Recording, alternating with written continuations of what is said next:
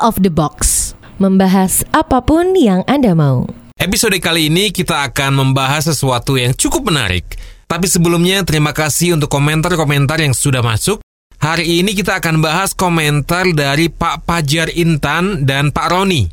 Kebetulan komentarnya dikirim melalui pesan suara. Yuk kita dengerin dulu. Om Bob, saya Pajar Intan. Akhir-akhir ini kan marak maling, intinya keamanan di masyarakat agak terganggu. Banyak kabar maling yang berkeliaran itu kan direspon oleh masyarakat dengan mengadakan ronda. Nah, dalam hal ronda ini saya lihat kok masyarakat kok tidak pada mengenakan masker atau bahkan mustahil untuk melakukan physical atau social distancing gitu. Boro-boro mau apa social distancing. Corona ini kayak mainan gitu, kayak pistol air mainan anak-anak yang harga 5000 gitu loh. Tambah lagi saya dapat ini dari kawan di Wonogiri, dia relawan bagi-bagi masker itu di pos jaga setiap desa itu yang dituliskan lockdown atau PSBB atau apa itu kan orang-orang pada ngumpul, pada dangdutan apa segala macam cukup ramai toh. Apa yang terjadi gitu saya nggak paham. Menurut Om gimana gitu. Terima kasih. Oke, nama saya Roni. Itu terkait pelepasan 30 kurang lebih 30 ribu napi ya. Memang mungkin tujuannya baik, tetapi ternyata fakta di lapangan sangatlah beda. Di mana beberapa kampung itu meresahkan adanya pencurian ataupun kabar yang tidak mengenakan di mana beberapa mobil menurunkan orang-orang yang merupakan napi. Nah ini apakah itu tidak bisa dilakukan dengan cara yang lain? Karena ketika napi itu dilepas, itu di lingkup napi memang mungkin dianggap agak aman, tetapi di luar napi ya dalam arti di masyarakat menjadi keresahan sebagaimana yang kami rasakan. Ada tambahan satu lagi. Di beberapa negara di luar negeri itu kan statusnya sudah turun. Bahkan bisa dikatakan mereka sudah membebaskan statusnya dari lockdown menjadi status yang netral atau bebas. Nah, kenapa Indonesia itu tidak bisa atau belum bisa atau belum waktunya? Tambahnya itu. Terima kasih. Oke, terima kasih Pak Pajar, terima kasih Pak Roni. Nanti kita akan bahas komentar-komentar Anda bersama Om Bob. Oh ya, Anda pun bisa mengirimkan komentar Anda tentang apa pun itu. Kirimkan via email ke apa pun yang Anda mau at gmail.com atau via WhatsApp di 0878 5590 7788. Sekali lagi, 0878 5590 7788. Nah, Om Bob, sejak corona menghantam Indonesia, akhirnya Menkumham melepaskan lebih dari 38 ribu narapidana terkait pencegahan penyebaran virus corona. Tapi ini akhirnya malah jadi pro dan kontra. Gimana menurut Om Bob? Ini serangan wabah corona virus ini memang membuat semua orang uh, kepalanya pening ya. Waktu itu memang jalan yang paling dianjurkan di seluruh dunia ya termasuk Indonesia itu adalah social distancing. Belakangan mungkin ada banyak yang bingung tuh social distancing itu apa. Belakangan ada yang ngomong itu personal distancing atau physical distancing. Artinya virus ini bisa dicegah, ya artinya bisa mengurangi efeknya gitulah ya. Hmm. Itu kalau antara seorang dan seorang itu menjaga jarak. Karena virus ini menular kalau lewat yang namanya droplet yaitu cairan yang ada di tenggorokan atau hidung itu ya. Lah ditakutkan kalau deket-deket itu kalau ngomong-ngomong kan mungkin terjadi hujan rintik-rintik itu ya. Jadi paling bagus memang harus distancing tadi itu. Jadi kalau kita lihat uh, yang di luar negeri yang lebih tertib itu kelihatan sekali ya. Restoran-restoran itu mejanya tidak boleh berdampingan kalau antri itu betul-betul diukur jarak seorang sama seorang itu satu setengah meter atau dua meter bahkan masuk ke supermarket atau toko itu juga dihitung orang-orangnya yang boleh masuk tergantung luasnya toko itu ya. Jadi kalau sudah mencapai jumlah tertentu ini ada orang yang menghitung pakai counter. Kalau sudah sampai jumlah tertentu sudah nggak boleh masuk. Artinya kalau ada orang luar dari supermarket itu lima orang yang boleh masuk lima orang juga gitu ya. Dengan harapan personal distancing atau physical distancing ini bisa terjaga dengan baik. Lah atas dasar itu rupa-rupanya menteri kita itu juga mikirin terpidana itu ya kan kasihan itu katanya ya. Jadi ini orang-orang yang di dalam penjara itu kan jarak sesamanya itu kan katanya sudah overload ya satu kamar tahanan yang katakanlah bangsal itu standarnya itu isinya 30 orang katanya sudah bisa sampai tuh 90 atau 100 ya bisa 75 pokoknya secara fisikal itu sudah memang tidak bisa menjadi 2 meter atau 3 meter satu setengah meter lah ya. Nah ini jadi alasan utama pertama kali ya. Oleh sebab itu demi kemanusiaan para narapidana itu dilepaskan. Istilah hukumnya itu diasimilasikan ya bagi mereka yang sudah uh, menjalani hukuman dua per 3 masa hukumannya. Lah itu memang menurut aturannya memang ada seperti itu ya. Tapi bukan berarti kalau sudah dua per 3 terus boleh, tapi harus mengajukan dulu apakah memenuhi syarat antara lain kan berkelakuan baik, sudah merasa menyesal dan sebagainya itu ya. Nah, akhirnya ya tiba-tiba keluarlah peraturan itu dengan alasan peri kemanusiaan supaya tidak terjangkit COVID-19 maka dilepaskanlah sebanyak 38.000 narapidana. Wah ini jadi rame ya. Nah sekarang kita coba bicara dulu soal apakah betul narapidana sebanyak 38 ribu tadi kalau sudah dibebaskan berasimilasi di masyarakat? Apakah betul-betul ini dia bisa terbebas dari coronavirus? Ini dulu kan? Ya tadi kalau alasannya itu physical distancing ya bisa aja uh, masuk akal lah ya. Mm-hmm. Tetapi kalau ditinjau dari masalah bahaya mana di dalam penjara dan di luar penjara di dalam hal tertularnya wabah virus corona ini. Kalau kita bicara ini maka harus dilihat dari hal yang sebagai berikut ya. Sekarang masalahnya kalau penjara itu selama ini tidak ada yang menderita virus corona ini, artinya wabah itu belum masuk di dalam penjara. Hmm. Kita sampai hari ini tidak pernah dengar bahwa ada orang-orang yang di dalam penjara yang kena virus COVID-19 ini, ya. Lah oleh sebab itu mestinya kalau mau efektif menjaga narapidana itu tidak kena COVID-19, maka yang perlu diperhatikan adalah jangan sampai ada virus itu masuk dari luar penjara ke dalam penjara. Kan gitu. Hmm. Ya. Itu masuknya dari mana, Om Bob? Ya, kan seperti kita ketahui ya, di dalam penjara itu kan ada penjaga-penjaganya, sipir-sipirnya. Hmm. Nah, sipir-sipirnya ini kan tinggalnya tidak di dalam penjara kan. Hmm. Ya, jadi sebetulnya sipir-sipir ini yang harus diawasi apakah selama ini dia bergaul dengan orang-orang yang kemungkinan membawa virus corona ini.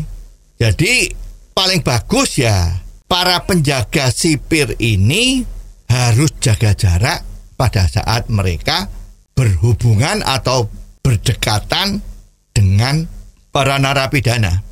Itu yang pertama ya. Jadi hmm. dia harus menerapkan betul-betul physical distancing antara petugas penjara itu dengan narapidananya. Itu nomor satu ya. Nomor dua, lingkungan penjara itu harus dibersihkan, disinfektan gitu ya. Lingkungannya. Jadi diharapkan tidak ada uh, virus itu yang bisa masuk. Setelah itu juga penjara itu kan banyak yang dibesuk kan. Iya, iya. Alasan ngirim makanan ya atau kangen sudah lama tidak ketemu. Nah itu sementara harus tidak diperkenankan lebih dahulu. Ya jadi kalau misalnya mau ngirim makanan ya makanan itu tidak bisa makanan mateng tapi misalnya yang boleh masuk hanya buah-buahan misalnya seperti itu. Nah buah-buahan yang masuk ini jelas belum dikupas ya. itu dicuci dulu pakai deterjen. Ah, bungkusnya itu dijemur matahari. Usaha-usaha ini dilakukan dengan demikian kan barang-barang makanan yang masuk di dalam penjara itu kan menjadi bersih. Tapi sebenarnya mana yang berkemungkinan paling besar Om Bob dalam penularan virus ini? Ya, menurut sejarahnya dan pengamatan mana-mana, yang paling besar kemungkinan untuk menularkan itu adalah kontak fisik. Maka anjuran pertama sebelum ada lockdown-lockdown itu, itu adalah jangan orang berkumpul. Ya, jadi kalau di dalam penjara itu mau mengamankan yang utama memang tidak boleh ada kontak dari orang luar masuk di dalam penjara. Sebetulnya ini lebih mudah ya. Kalau orang-orang dilepaskan, dia masuk di terjun di masyarakat, maka dia akan masuk di dalam masyarakat yang sangat heterogen. Ya, sekarang ketahui di Indonesia itu mengenai jarak physical distancing ini banyak yang dilanggar. Walaupun sudah diumumkan PSBB, itu banyak sekali orang masih pada kumpul-kumpul. Ya, berarti di luar tuh lebih susah untuk dikendaliin. Bahkan kemarin itu ada orang yang kena masalah tidak boleh bepergian karena PSBB malah lebih galak daripada petugasnya. Kita break dulu ya Bob. Stay tune di Out of the Box membahas apa pun yang Anda mau. Out of the box. Membahas apa pun yang Anda mau. Masih ada dengerin Out of the Box membahas apa pun yang Anda mau bersama Awang Ajiwasita dan Om Bob. Kita ingetin lagi kalau Anda akan kirim komentar untuk bisa kita bahas di sini, langsung aja kirim email ke apa pun yang Anda mau at gmail.com atau WhatsApp di 0878 5590 7788. Sekali lagi, 0878 5590 7788. Nah, kita lanjutin lagi. Efek yang muncul dari pelepasan narapidana ini gimana ya, Bob?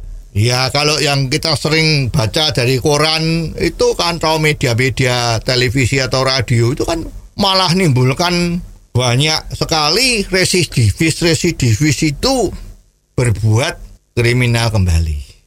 Sekarang ada himbauan dari aparat, ya kan? Iya. Hati-hati kalau bepergian malam hari, ya kan? Hati-hati kalau parkir mobil harus di tempat lokasi yang bagus, yang lebih aman, karena ini banyak sekali kejadian tindakan-tindakan kriminal yang bikin repot, ya meresahkan masyarakat. Ya banyak sekali video-video yang viral di YouTube itu juga banyak kan? Ada yang dirampas tasnya jatuh, ada yang kepalanya kena aspal bocor terus meninggal. Ya ini kan banyak sekali. Jadi memang karena residivis itu keluar dan dia juga kan nggak ada kerjaan. Ya situasi virus corona ini kan juga cari juga kerjaan kan susah. Dan dia nggak bisa makan gimana? Keahliannya kriminal. Ya dia jadi kriminal lagi. Ini kan bikin susah orang jadi tujuan yang baik tetapi langkahnya kemungkinan kurang benar ya. Tujuannya supaya tidak kena corona dilepas dari penjara. Ya padahal masuk di penjara itu lebih aman dari virus coronanya ya. Bukan dari kebebasannya kalau udah keluar dari penjara kan bebas ya. Nah, tapi kan tujuannya itu mau membebaskan dari corona. Tetapi di luar malah lebih bahaya. Mestinya di dalam lebih bagus. Nah ini ada cerita yang menarik ini. Hmm. Itu ada residivis, hmm. baru keluar dua tiga hari sudah masuk penjara lagi. Lah, itu ceritanya gimana? Ya ini ceritanya ini orang residivis ya hmm. keluar, hmm. ya. Lah dia tiba-tiba menjambret, terus masuk penjara lagi, ya. lah ceritanya kan kalau orang residivis itu sudah dibebaskan, terus dia itu waduh di luar ini saya nggak aman nggak bisa cari makan juga takut dengan corona ini dia pengen masuk di penjara lagi. Ya. Ah. caranya gimana? Apa boleh datang? Kitelik kitelik kitelik di lapasnya pak mohon maaf saya di luar kok merasa nggak aman saya kepengen masuk lagi. Boleh nggak? Nah sekarang ini orang ini kan bingung caranya gimana supaya dia bisa masuk penjara lagi. Nah, ceritanya dia jambret di lokasi yang jaraknya dengan kantor polisi itu nggak terlalu jauh. Jadi kalau lari itu kira-kira satu menit dua menit sudah sampai. Jadi saat dia uh, masuk penjara lagi ditanyain, loh kamu gimana? Kok mau masuk penjara lagi? Dan kenapa kamu jambret lagi? Jawabnya ini yang jadi ceritanya menjadi menarik. Gimana? Dia bilang banyak teman-temannya dia yang menjambret atau melakukan kriminal lagi Heeh. itu kan ketangkep sama masyarakat kan dipukulin diajar babak bunya ya. Hmm, bahkan kemungkinan ada yang meninggal. Hmm. dia kan takut juga. Jadi dia jambret yang dijambret seorang cewek lokasinya dekat kantor polisi. Ya jadi begitu dia jambret handphonenya itu dia lari masuk ke kantor polisi. Tut, tut, tut, tut, tut. ya Nah, sang ceweknya itu kan tahu itu yang yang jambret kan lari. Heeh. Dia kejar. Ya, si tukang jambretnya ini ya larinya nggak nggak kenceng-kenceng amat seperti kijang gitu ya. Wong dia punya tujuan supaya ceweknya kalau ngejar ketangkep. Ah. Dia lari masuk ke dalam kantor polisi, akhirnya ceweknya masuk. Ceweknya teriak-teriak sama polisinya, "Pak, itu jambret." ya, memang betul jambret eh, handphonenya. Ya kan? Lah masuk di kantor polisi. Lah kan ini kan perbuatan kriminal. Nah, terus dia ditangkap sama polisinya. Tetapi kan dia tidak dipukulin sama Ah, masyarakat. Iya, iya, iya. Ya, lah itu jambretnya barangnya dikembaliin sama jambret tadi itu. Nah, terus dia karena sudah berbuat kriminal sama kantor polisinya dibawalah ke penjara. Dititipkan kembali statusnya tersangka baru. Ah, berarti sebenarnya tidak semua napi itu pingin bebas ya, Mbak? Iya. Jadi kalau orang bebas tuh malah susah, dia pengen di dalam. Nah caranya ini seperti ini. Ini kan jadi ceritaan lucu. ya. Dia tidak takut dengan virusnya, ya. Takutnya sama tidak bisa makan. Ya karena mendadak keluar mungkin keluarganya juga belum siap macam-macam. Jadi sebetulnya pelepasan narapidana di penjara ini ya sekedar memenuhi peraturan kalau ditanyain ya kenapa kok dilepaskan? Ya ini karena aturannya kalau sudah menjalankan dua per tiga itu boleh dilepaskan untuk asimilasi. Terus ngomong-ngomong kan ini juga nih katanya eh, menteri kita ngomong kalau dengan dilepaskan 38 ribu narapidana ini negara sudah hemat ya uang makannya para terpidana Iya, iya. tadi itu ya. Berapa itu? Kalau udah salah 400 miliar rupiah sudah bisa dihemat. Masalahnya itu memberi hukuman supaya ada efek jerah ya memang harus ada harganya. Pemerintah harus nyiapin dua dananya agar supaya dimakanin narapidana itu dan dia merasa kapok di dalam penjara. Jadi tujuan utamanya itu tercapai. Nah sekarang kalau masalah narapidana itu sebetulnya itu masalah moral apa masalah hemat menghemat. kalau mau menghemat menghemat ya ndak usah ada penjara kan. Out of the box. Membahas apa pun yang Anda mau. Terima kasih Anda masih terus bersama Awang Ajiwasita dan Om Bob. Tentunya di Out of the Box, membahas apa pun yang Anda mau. Nah, Om Bob, tadi di komentarnya Pak Roni itu juga sempat muncul pertanyaan apa yang paling mungkin dilakukan untuk mengatasi keresahan yang ada di masyarakat. Ya keresahan masyarakat karena banyak narapidana yang kembali melakukan kejahatan itu ya nggak bisa cuman diomongkan sekali saja ya. Ini masalahnya menyangkut keamanan umum. Ya, jadi kalau mau mencegah terjadinya kriminalitas ini ya pertama memang aparatnya. Zaman dulu itu aparat itu kan pasti ada yang melakukan inspeksi ronda. Ya, apakah itu pagi hari, siang hari, malam hari. Ya, itu selalu ada. Kalau kita lihat di film-film ya, di luar negeri itu kan juga begitu. Selalu ada petugas polisi yang melakukan patroli. Dulu di Indonesia pernah diusulkan kembali bahwa patroli yang dilakukan polisi itu harusnya pakai sepeda, bukan sepeda motor, bukan berkuda, tapi sepeda. Kalau pakai sepeda motor memang enak ya, yang patroli enak, nger gitu, tapi terlalu cepat. Ya, Ah. jadi patroli itu harus dilakukan pelan-pelan. Misalnya patroli di sepanjang jalan yang panjangnya itu 2 km. Nah, kalau naik sepeda motor cuman 30 detik udah selesai ya. Nah, itu pencoleng-pencoleng itu kan tahu wah ini polisi mau lewat gitu ya. Jadi mumpet dulu. Nah, tapi kalau pakai sepeda itu kan pelan. Jalannya pelan, melihatnya kanan kiri, apakah ada yang tidak baik itu juga menjadi lebih pelan. Ya, dengan diharapkan kalau patroli naik sepeda itu bisa lebih waspada. Kalau pakai sepeda motor kan nggak ngerti, tahu-tahu wer gitu kan. Nah, kalau sepeda kan eh, namanya juga santai, santai tapi lihat ada apa, ada apa, ada apa. Dan naik sepeda kan lebih sehat juga kan daripada naik motor ya. Tidak ada polusi bensin, tapi badan juga lebih sehat. Nah terus juga sebetulnya sekarang memang kalau yang paling efektif kan banyak jalan-jalan yang harus dipasang CCTV. Ya, jadi kalau memang eh, Pak Roni tadi di daerah tempat tinggalnya itu dirasa kurang aman, mungkin ya Pak Roni bisa berinisiatif ngajak teman-temannya satu RT atau RW karena pemerintah daerah itu nggak punya anggaran untuk seperti itu, ya swadaya. Ya Pak Roni ngajak teman-teman di lingkungannya bagaimana kalau ini dipasang CCTV ya dipasang TV yang dipantau tapi yang nggak cuma sekedar pasang CCTV ya.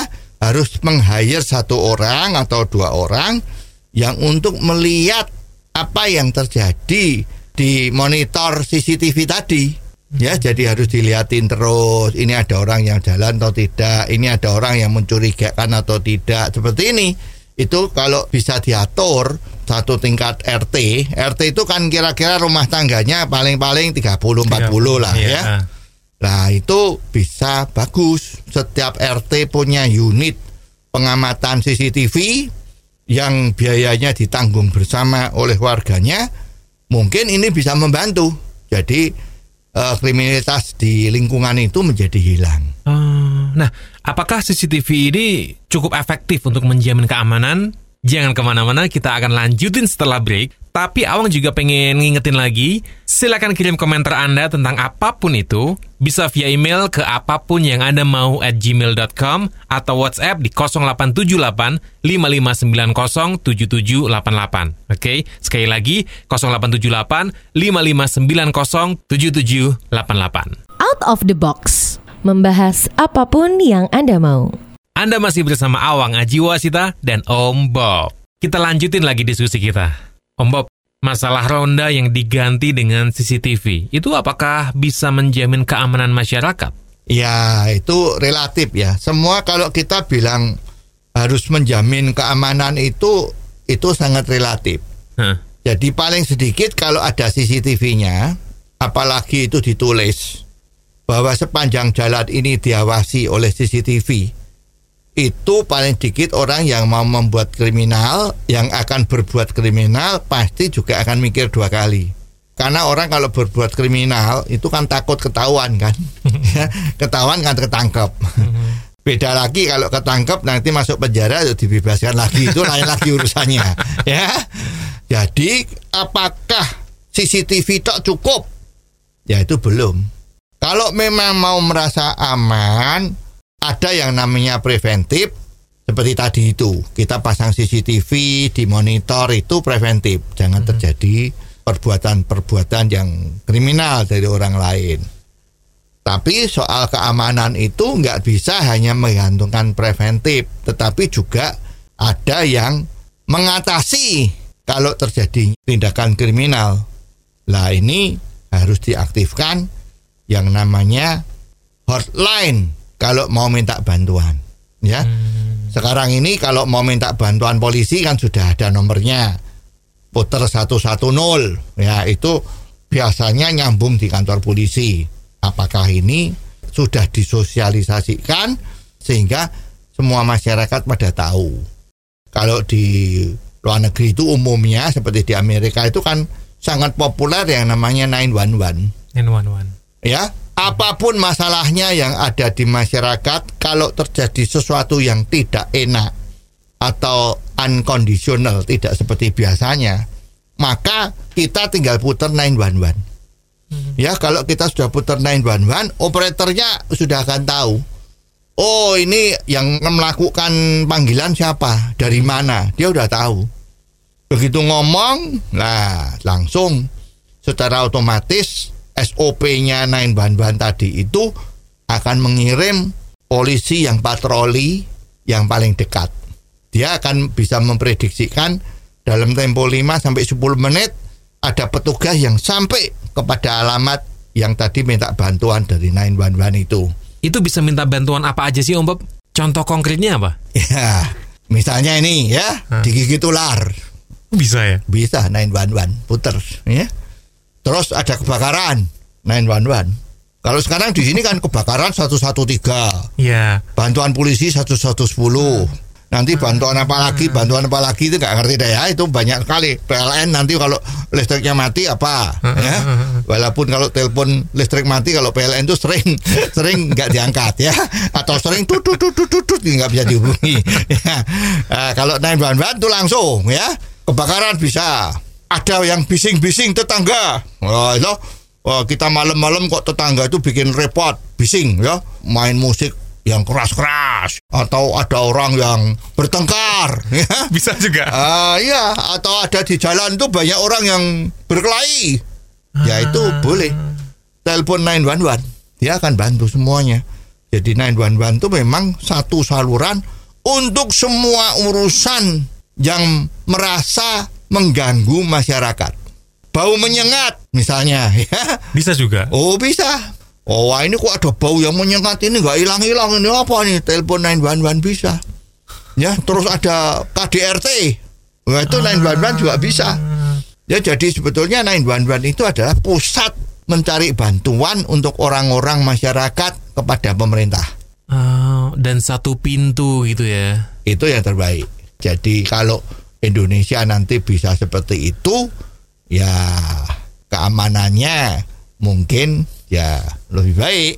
Angka kriminalitasnya mungkin juga jauh bisa menjadi berkurang. Oke, Om Bob, kita break dulu. Sesaat lagi kita akan kembali lagi di Out of the Box, membahas apa pun yang Anda mau. Sambil terus kita ingetin, kita tunggu email Anda di apa pun yang Anda mau at gmail.com atau WhatsApp di 0878 5590 7788. Sekali lagi, 0878 5590 7788. Out of the box. Membahas apa pun yang Anda mau. Nah, kita lanjutin lagi. Om Bob, Pak Roni tadi juga sempat kasih komentar kalau beberapa negara sudah mencabut status lockdownnya. Tapi Indonesia malah belum. Ya ini masalah virus corona itu kalau kita mau menghibur diri ya mengatakan Indonesia izin masuknya virus corona ini kan terlambat. Ya. Kemarin kan ada lucu-lucu itu ya. Waktu eh, Tiongkok ada corona, Filipina ada, Vietnam ada, eh, Singapura ada, Kuala Lumpur Malaysia ada, tapi kan ada lelucon. Loh, Indonesia kok belum? Kok hebat ya Indonesia kok masih statementnya dari pemerintah kan belum ada corona, belum ada corona ya kan? Kok hebat? Kan ada lelucon itu. Karena di Indonesia itu kalau ngurus izin tuh susah. Jadi coronanya mau minta izin masuk di Indonesia, izinnya nggak keluar-keluar. ya, ya, jadi coronanya nggak masuk. Maka corona masuk di Indonesia itu agak terlambat. ya.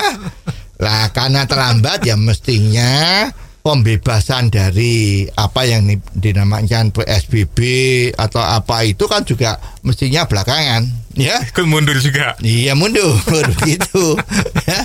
Namun sebetulnya itu masalah ini kan tidak sesederhana itu ya. Ada juga yang ngomong ini sekarang ada lintang kemukus. Kalau ada lintang kemukus biasanya wabah itu akan segera hilang. Ya tapi semua itu kan pertanda-pertanda yang biasanya. Tapi kalau manusia tidak berusaha apa ya tanda-tanda itu akan berlaku? Kan susah juga kan? Ya sekarang misalnya Itali, Itali dulu kena virus corona ini begitu menyedihkan. Ya berita-berita kalau kita dengar itu banyak yang meninggal. Rumah sakit sudah tidak bisa menampung.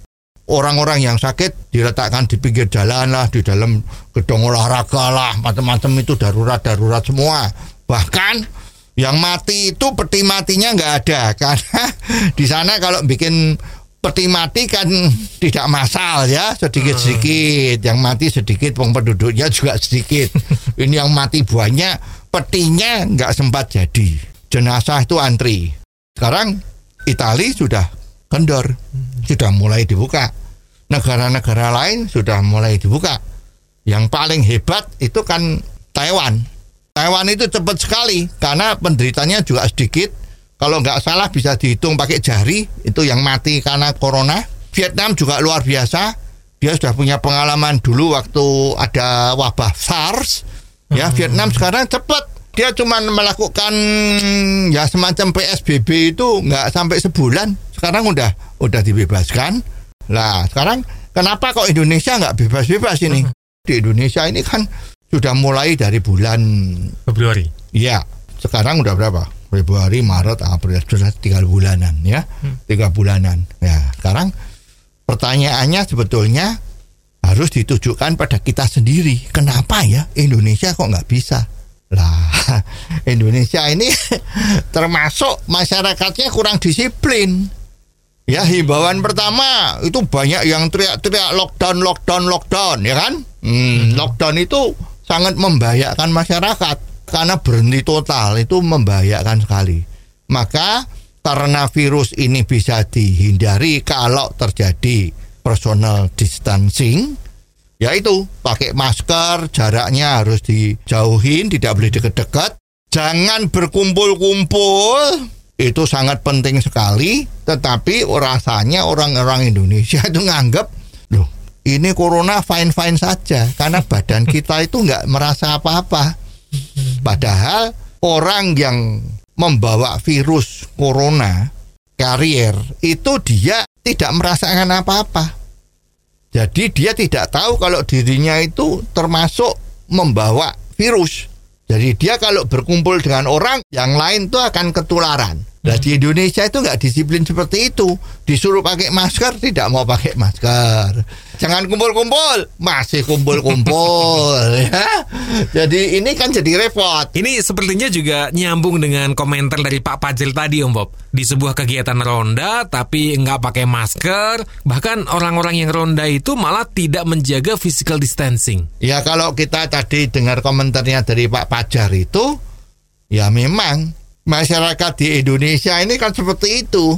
Namanya juga ronda mencegah virus corona. Tetapi rondanya itu malah jadikan seperti peguyuban. ya kan dangdutan ya, Iya. tidak pakai masker ya, bicara-bicara ketawa-ketawa seperti tidak ada masalah ya. Jadi seperti peguyuban tok. Nah, ini kan ya memang susah. Ini bagaimana bisa mencegah? Jadi justru seharusnya itu informal leader di dalam suatu lingkungan itu harus memberikan satu eh, briefing. Hmm. ya harus memberikan briefing bahwa rondanya ini bagaimana harus dilaksanakan. Ya ronda tujuannya supaya jangan ada orang lain yang diperkirakan membawa virus karena kita nggak tahu toh nggak kelihatan. Musuh kita COVID-19 ini kan nggak ada bentuknya nggak ada wujudnya. Hmm, hmm. ya tidak ada perasaan macam-macam. Ya tahu-tahu orang itu ternyata bawa. Tahu-tahu kita keserang begitu aja. Itu harus briefing. Oke tidak perlu banyak orang. Misalnya begitu kan. Cukup dua orang. Yang lain-lainnya ya backup. Kalau ada tamu dari luar daerah yang masuk dan dia tidak mau eh, diberi penjelasan untuk tidak boleh masuk di kampungnya dia. Kalau dia melawan nah ini harus minta bantuan. Kan itu yang membackup. Tapi pada saat itu nggak perlu kumpul-kumpul banyak orang ya. Jadi harusnya eh, lebih hati-hati seperti itu. Lah Indonesia itu terkenal seperti itu. Ada orang yang naik mobil suami istri katanya ini harus distancing harus dipisah malah marah. Ya. Terus ada orang yang naik sepeda motor nggak pakai masker juga marah-marah. Ya. Karena aturannya kan protokolnya harus pakai masker, Masker. harus pakai kaos tangan. Ya ini marah-marah semua ya. Nah, terus nggak cuman itu. Peraturan pemerintah ini sering-sering juga bisa menimbulkan salah tafsir. Ya. Yang mana, Bob? ya PSBB tidak boleh mudik. Tapi kemarin ada menteri kita yang menyebutkan bahwa sekarang transportasi umum sudah boleh dibuka Oh lagi. iya, betul betul. Nah ini kan memberi peluang-peluang yang membingungkan.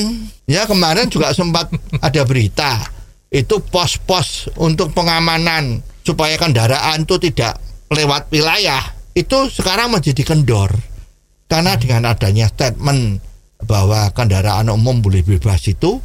Jadi apa yang sudah dilakukan untuk mensukseskan PSBB itu menjadi walau alam. Ya, gimana? Malah sekarang ada PSBB yang sudah jalan minta diperpanjang lagi. Ya padahal di luar negeri sudah mulai lepas. Kemarin presiden kita mengatakan bulan Mei ini harus sudah bisa hilang. Ya kurvanya itu harus bisa turun tidak boleh naik lagi. Entah bagaimana caranya. Ya itu memang boleh aja menjadikan satu motivasi dari pejabat-pejabat di daerah dan lain-lainnya agar supaya keinginan dari seluruh masyarakat Indonesia yang disampaikan oleh presiden kita ini bahwa bulan Mei masalah COVID-19 ini harus selesai ya ini harus menjadi motivasi ya tadi itu kalau memang PSBB ya ketatin ya. Kalau ada yang melanggar ya dikasih hukuman. Ya jangan supaya cuman himbauan-himbauan himbauan kekeluargaan. Le kono kok ndak nggo masker nopo? Mbok pakai masker kalau nggak punya nyoh ini tak kasih. Nah, kalau modelnya cuman seperti seperti itu ya susah. Kalau kita tidak mau serius menangani bersama masalah ini ya kapan COVID-19 akan hilang dari Indonesia ya masih menjadi tanda tanya yang besar. Kita sangat khawatir nanti kalau ini berkepanjangan ya ekonomi Indonesia bisa hancur lebur, susah kita untuk bangkit mengejar negara-negara yang lain. Yes, terima kasih Om Bob. Menarik sekali diskusi kita kali ini. Sambil kita tunggu komentar-komentar Anda via email di apa pun yang Anda mau at gmail.com atau via WhatsApp di 0878 5590 7788. Sekali lagi, 0878 5590 7788. Karena Out of the Box membahas apa pun yang Anda mau. See ya! Out of the box. Membahas apa pun yang Anda mau.